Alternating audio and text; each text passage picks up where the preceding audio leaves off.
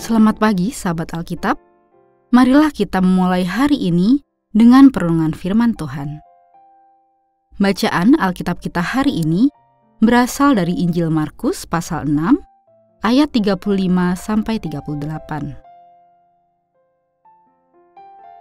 Pada waktu hari mulai malam, datanglah murid-muridnya kepadanya dan berkata, "Tempat ini terpencil dan hari mulai malam." Suruhlah mereka pergi ke kampung-kampung dan desa-desa sekitar sini, supaya mereka dapat membeli makanan bagi diri mereka. Namun jawabnya, kamu harus memberi mereka makan. Kata mereka kepadanya, Haruskah kami pergi membeli roti seharga 200 dinar untuk memberi mereka makan? Ia berkata kepada mereka, Berapa banyak roti yang ada padamu? cobalah periksa. Sesudah mengetahuinya, mereka berkata, lima roti dan dua ikan. Hari sudah mulai gelap, namun banyak orang masih tetap tinggal untuk mendengarkan ajaran Tuhan Yesus. Mengingat lingkungan yang mereka tempati jauh dari pemukiman, para murid meminta Yesus untuk menyuruh orang-orang itu pergi. Usulan yang disampaikan oleh para murid nampak rasional. Hari sudah gelap. Memang waktunya untuk pulang dan persediaan makanan juga tidak mumpuni untuk semua orang. Namun di sisi lain, usul ini juga menimbulkan kesan bahwa para murid tidak ingin direpotkan dengan banyaknya orang yang nampak mengganggu istirahat dan jam makan malam mereka. Respon yang diberikan Tuhan Yesus justru sebaliknya ia menyampaikan bahwa para muridlah yang seharusnya memberi mereka makan.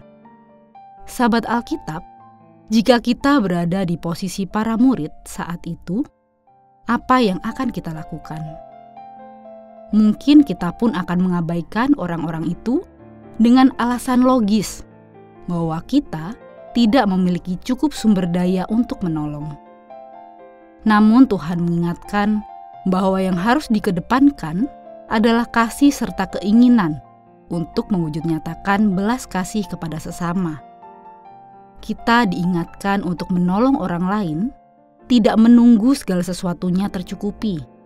Apabila itu yang kita pikirkan, maka selalu ada alasan untuk tidak menolong orang lain karena kita mendasarkan niat untuk menolong berdasarkan apa yang kita tidak miliki.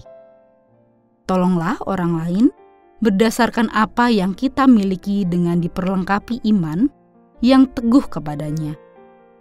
Hal tersebut sudah lebih dari cukup untuk dapat membantu sesama yang membutuhkan yang ada di sekitar kita.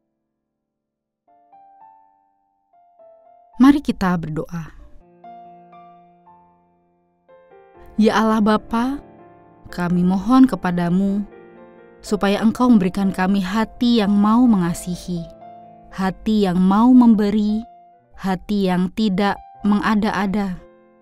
Kami ingin dapat senantiasa menolong orang kapan pun tanpa menjadikan kekurangan kami sebagai sebuah alasan.